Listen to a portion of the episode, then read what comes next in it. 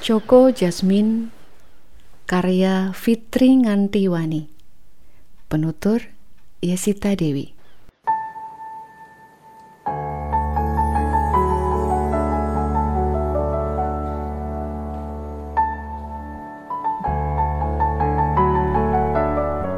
Perkenalkan, namaku Jasmine. Kata ibu, dulu ayahku pernah membuatkan ibu minyak wangi alami dari kelopak bunga melati.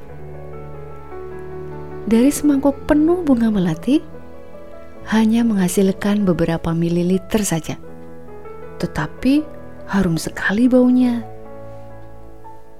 Ayah menyimpan hasil kerja kerasnya itu dalam botol kaca kecil lalu memberikan pada ibu sebagai hadiah pernikahan.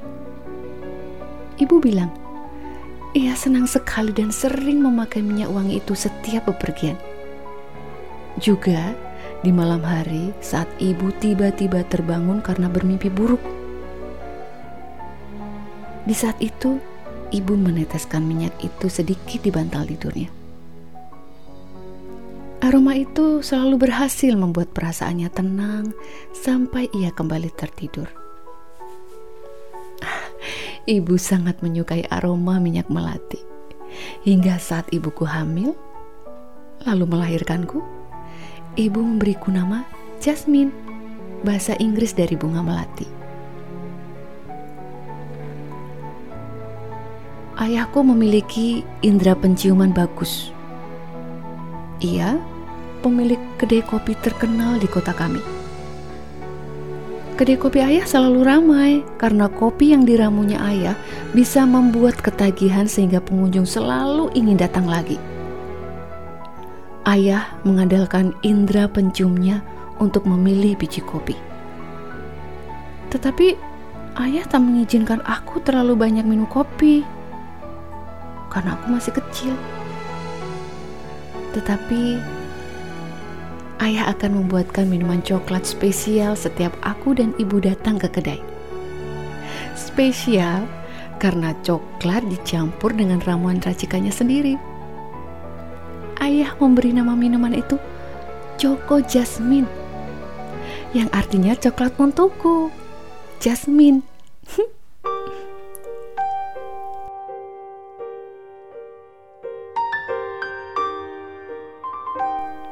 Suatu hari saat libur sekolah, tanpa ibu, aku ke kedai ayah hampir seharian. Cuaca mendung sekali kala itu. Lalu hujan turun amat deras.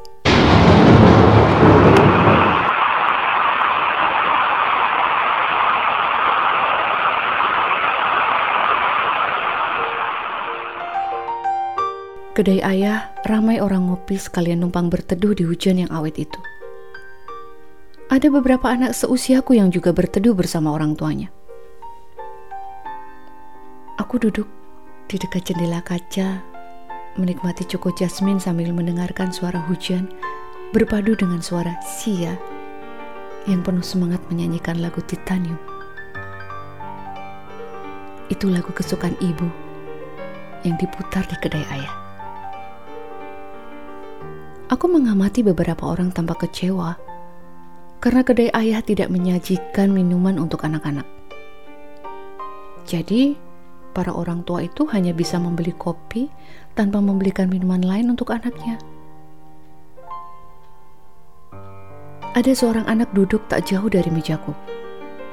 Ia bertanya pada ibunya sambil menunjukku. Ibu, dia juga minum kopi. Kalau dia boleh, Kenapa aku enggak? Ibu itu melihatku heran, lalu menghampiriku. Hai anak manis, kamu minum kopi? Ia bertanya. Aku menggeleng kepala. Bukan, Tante. Jawabku singkat. Lalu, apa yang kamu minum itu? Tanyanya lagi sambil menunjukkan isi gelasku aku menjawab. Ini tante, namanya Joko Jasmine. Ibu itu mengamati isi gelasku. Oh, ini coklat hangat ya? Tanyanya lagi. Betul tante, tapi coklat ini beda. Rasa dan aroma coklat ini sangat enak. Ini minuman favoritku. Paling enak dibanding semua minuman yang pernah ku coba di dunia ini. Tambahku meyakinkan. Ayah membuatkan spesial untukku. Apalagi kalau aku datang ke kedai ini. Ibu itu terlihat semakin penasaran. Ah, kamu anak pemilik kedai ini ya? Ia bertanya lagi. Betul tante, pemilik kedai itu adalah ayahku. Jawabku tersenyum bangga.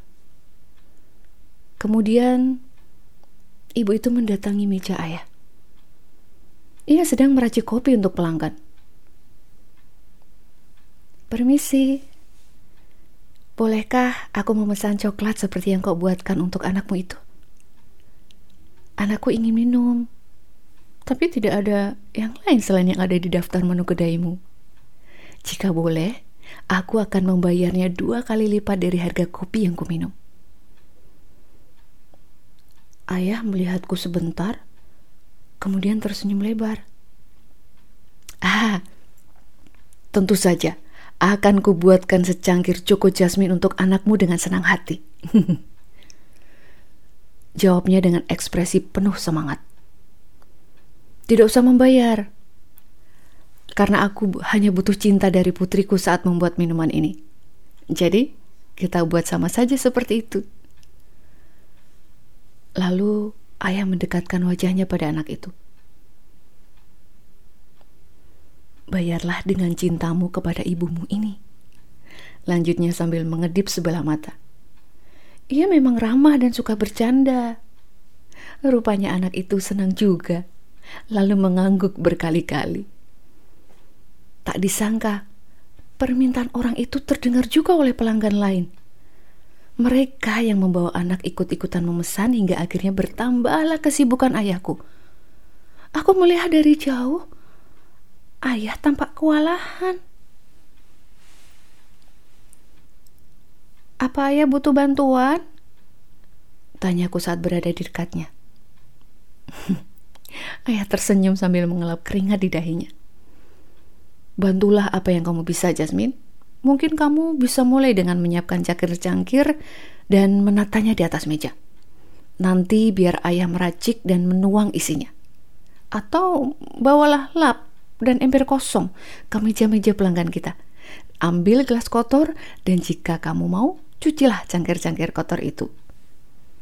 Kata ayah rinci. Aku mengangguk dengan semangat. Siap, komandan. Kucandai ayahku dengan memberi tanda hormat layaknya seorang prajurit. Kulakukan semua yang diperintahkan tadi.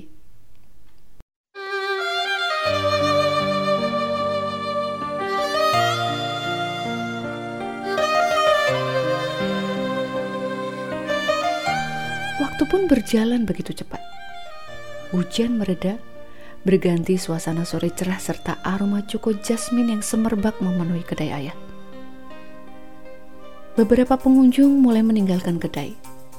Juga mereka yang membawa anak-anak. Aku membereskan semua sisa cangkir di meja. Kuhitung jumlah cangkir yang terpakai. Ada 80 cangkir mataku berbinar. 80 cangkir bekas cuko jasmin yang isinya habis tak bersisa. Ayah, aku tidak sabar ingin segera menceritakan pengalaman hari ini pada ibu. Kataku saat kami hendak menutup kedai malam itu.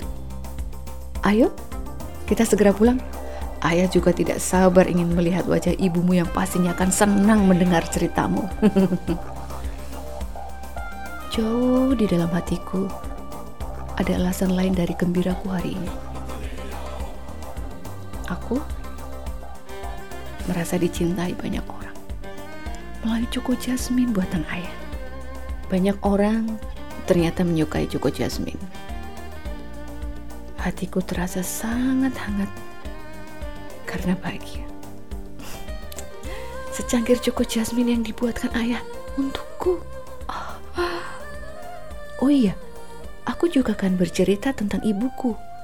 Ia adalah perempuan hebat idolaku. Tetapi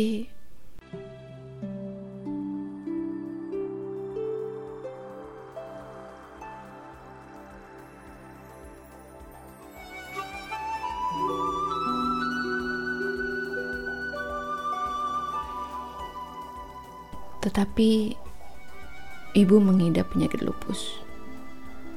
Itu gangguan kekebalan tubuh yang kerap membuat ibu banyak di rumah karena penyakit itu pantang terlalu lama terpapar matahari.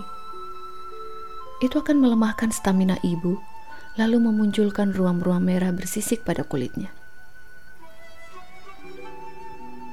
Kata ibu, rasanya sangat tidak nyaman, perih dan gatal. Penyakit itu juga yang sering membuat ibu opnam karena gangguan itu menyebabkan sel-sel pertahanan tubuh ibu memproduksi pasukan imun secara berlebihan yang justru berefek menyerang sistem pertahanan tubuh ibu karena jumlahnya terlampau banyak. Sering gangguan itu menyerang jantung, ginjal, dan saluran pencernaan ibu sehingga membuat ibu vertigo. Ketika sudah menyerang, ibu tidak bisa bangun dari tempat tidur. Iya, begitulah ibuku. Fisiknya lemah, tapi tidak dengan jiwanya. Aku percaya, ibu berjiwa kuat. Dia mampu membuat suasana sekitar terasa indah menyenangkan. Bahkan hingga sekarang, saat usiaku 14 tahun, aku masih sering minta tidur bersama ibu.